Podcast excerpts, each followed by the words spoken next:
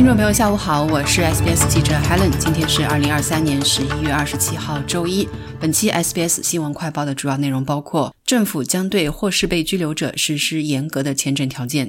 以色列与哈马斯休战期行将结束；报告称技术移民来澳求职中遭歧视；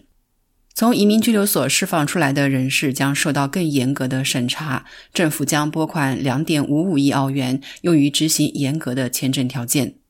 在高等法院裁定无限期拘留为非法后，近一百四十名拘留者于近期获释。这些人中包括一些已经被定罪的罪犯，尽管他们已经服过刑，但日益增长的愤怒和对社区危险的担忧，促使政府匆忙通过了一项规定严格签证条件的紧急法律。人权律师已经谴责了议会在十一月早些时候通过的立法。该立法规定，被释放者必须接受强制宵禁和无限期电子监控设备。而今天提出的修正案则更进一步，规定这些人士与未成年人或弱势群体一起工作，或靠近学校或托儿所都是违法行为。移民部长加尔斯表示，政府致力于引入持久的法律，确保未来的社区安全。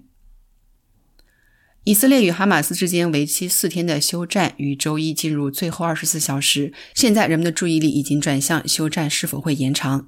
以色列正面临着来自人质家属以及美国等盟国的越来越大的要求延长休战期的压力。以色列领导人极力驳斥任何持久停止进攻的建议，但表示他们愿意使用内置机制，即每释放十名以色列人，休战就延长一天。哈马斯已经表示愿意将休战期延长两到四天。然而，一个潜在的复杂因素是，一些人质据信被哈马斯以外的组织扣押，其中包括巴勒斯坦伊斯兰圣战组织。半岛电视台报道称，巴勒斯坦伊斯兰圣战组织目前正在评估延长休战的利弊。周一，哈马斯释放了十三名以色列人质，而被以色列关押的三十九名巴勒斯坦人被释放。